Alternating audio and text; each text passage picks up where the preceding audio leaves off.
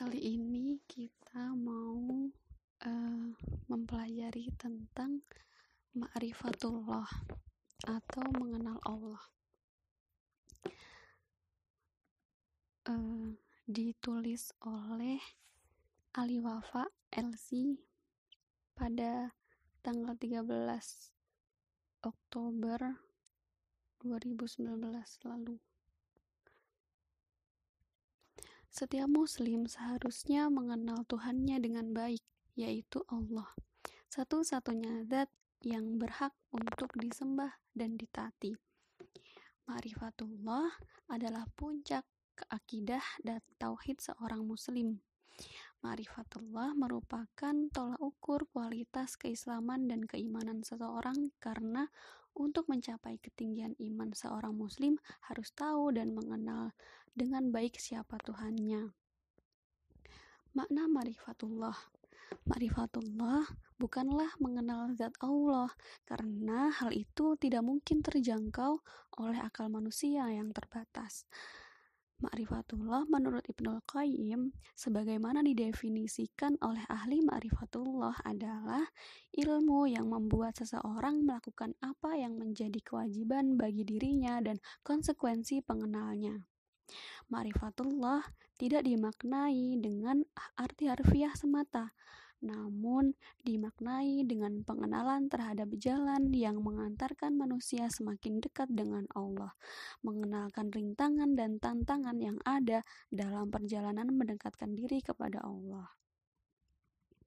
Figur teladan dalam ma'rifatullah adalah Rasulullah SAW.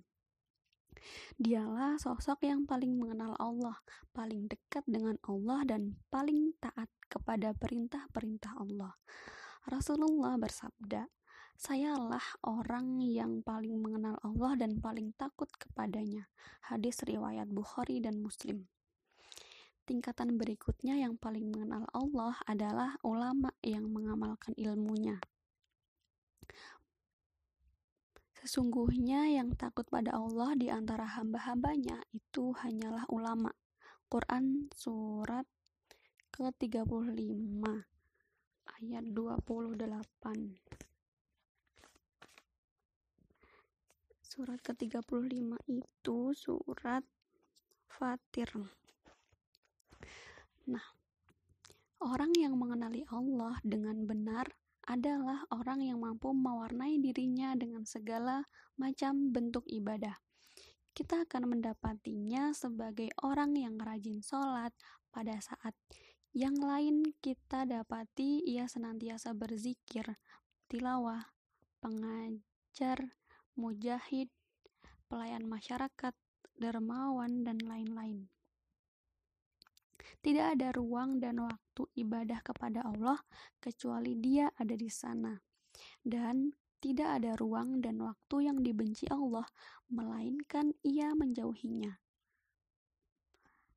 Nah, sekarang kita pelajari urgensi ma'rifatullah. Ma'rifatullah adalah puncak kesadaran yang akan menentukan perjalanan hidup selanjutnya. Dengan ma'rifatullah, manusia bisa mengetahui tujuan hidup yang sesungguhnya. Ketiadaan ma'rifatullah membuat orang hidup tanpa arah dan tujuan yang jelas. Bahkan, orang yang tidak mengenal Allah dengan benar akan menjalani hidupnya seperti binatang. Ini telah dibahas pada Quran surat Muhammad ayat 12. Nah, ma'rifatullah adalah asas perjalanan ruhiyah manusia secara keseluruhan. Orang yang mengenal Allah akan merasakan hidupnya tenang, lapang, dan dia hidup dalam rentangan panjang antara sabar dan syukur. Dari maklifatullah ini, manusia akan mengenali kehidupan di luar alam materi, seperti malaikat, jin, dan ruh. Dengan ma'rifatullah, seorang muslim akan senantiasa menjaga dirinya dan dari melanggar aturan-aturan Allah, sehingga hidupnya dipenuhi dengan rahmat dan ridha Allah buah dari ma'rifatullah. Puncak ilmu adalah mengenal Allah. Seseorang dikatakan sukses dalam belajar atau menuntut ilmu apabila dia semakin mengenal Allah dan semakin dekat sama Allah. Jadi, percuma sekolah tinggi, gelar prestisius segudang, harta melimpah, jabatan melangit, bila itu semua tidak menjadikannya semakin dekat dan semakin kenal dan semakin taat kepada Allah. Marifatullah adalah nikmat yang sangat besar mengenal Allah akan membuahkan akhlak yang mulia. Betapa tidak, dengan mengenal Allah, kita akan merasa tetap e, ditatap, didengar, dan diperhatikan oleh Allah, sehingga langkah dan gerak kita terarah pada jalan yang dikehendaki Allah. Inilah kenikmatan hidup yang sebenarnya. Dengan ma'rifatullah, menjadi, hidup menjadi tenang, terarah, ringan, dan bahagia. Sebaliknya, jika kita jauh dari Allah, hidup akan terasa berat, sempit, sengsara, tenggelam dalam lumpur dosa dan terus-menerus hidup dalam rentang waktu dan ruang kehinaan. Pada surat Toha ayat 124 disebutkan, Barang siapa yang berpaling dari peringatanku, maka sesungguhnya baginya kehidupan yang sempit, dan akan kami bangkitkan pada hari kiamat dalam keadaan buta. Nah, ciri-ciri orang yang mengenal Allah disebutkan orang yang makrifah tidak takut dan tidak bersedih hati dengan urusan duniawi. Karena itulah kualitas makrifah e, kita bisa diukur bila kita selalu cemas dan takut kehilangan dunia, berarti kita belum mengenal Allah dengan baik. Sebab orang yang makrifah e, susah senangnya itu tidak diukur oleh ada atau tidaknya dunia, tetapi diukur oleh dekat atau tidaknya dirinya dengan Allah. Orang yang makrifah akan senantiasa menjaga kualitas ibadahnya, karena dengan terjaganya ibadah akan mendatangkan banyak manfaat dan keuntungan dalam hidup. Di antaranya, pertama, hidup uh, selalu ada, uh, selalu berada di jalan yang benar. Kedua, memiliki kekuatan dalam menghadapi cobaan hidup. Ketiga, Allah akan selalu mengaruniakan dalam hidupnya. Uh, keempat, akan selalu optimis dalam menghadapi kehidupan. Kelima, memiliki kendali dan kontrol dalam hidup, sehingga tidak selalu terjerumus ke dalam jurang kemaksiatan. Keenam, selalu berada dalam bimbingan dan pertolongan Allah. Ketujuh, memiliki ruhiyah imaniyah yang kuat. Sarana Ma'rifatullah di antara sarana yang dapat mengantarkan kita pada ma'rifatullah adalah yang pertama akal sehat. Akal sehat manusia jika digunakan untuk memikirkan dan merenungkan apa yang ada di sekelilingnya dari ciptaan Allah dapat menjadikan pemiliknya sampai pada ma'rifatullah yang sempurna. Al-Quran menjelaskan dalam berbagai ayatnya pengaruh perenungan makhluk terhadap pengenalan kepada Saholik.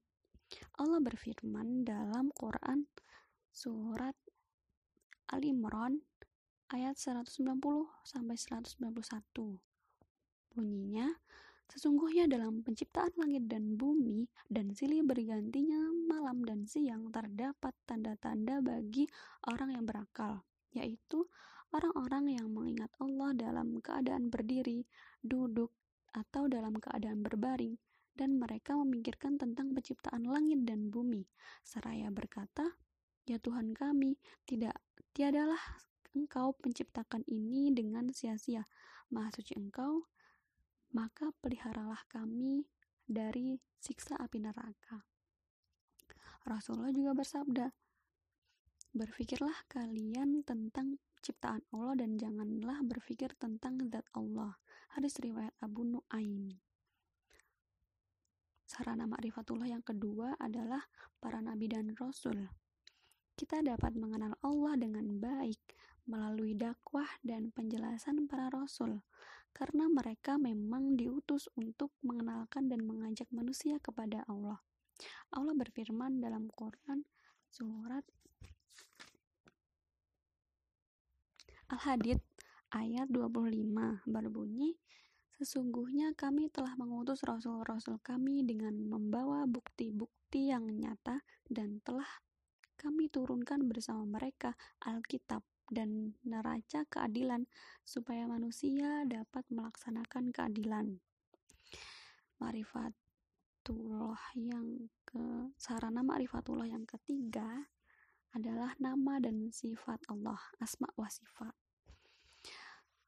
Mengenal nama dan sifat Allah disertai dengan perenungan makna dan pengaruhnya bagi kehidupan ini menjadi sarana untuk mengenali Allah. Cara inilah yang Allah gunakan untuk memperkenalkan dirinya kepada makhluknya. Dengan asma dan sifat ini, terbukalah jendela bagi manusia untuk mengenali Allah lebih dekat lagi. Asma dan sifat Allah akan menggerakkan dan membuka hati manusia untuk menyajikan pancaran cahaya Allah.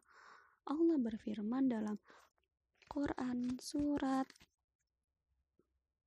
Al-Isra ayat 110 berbunyi katakanlah serulah Allah atau Ar-Rahman. Dengan nama yang mana saja kamu seru dia memiliki nama-nama yang baik.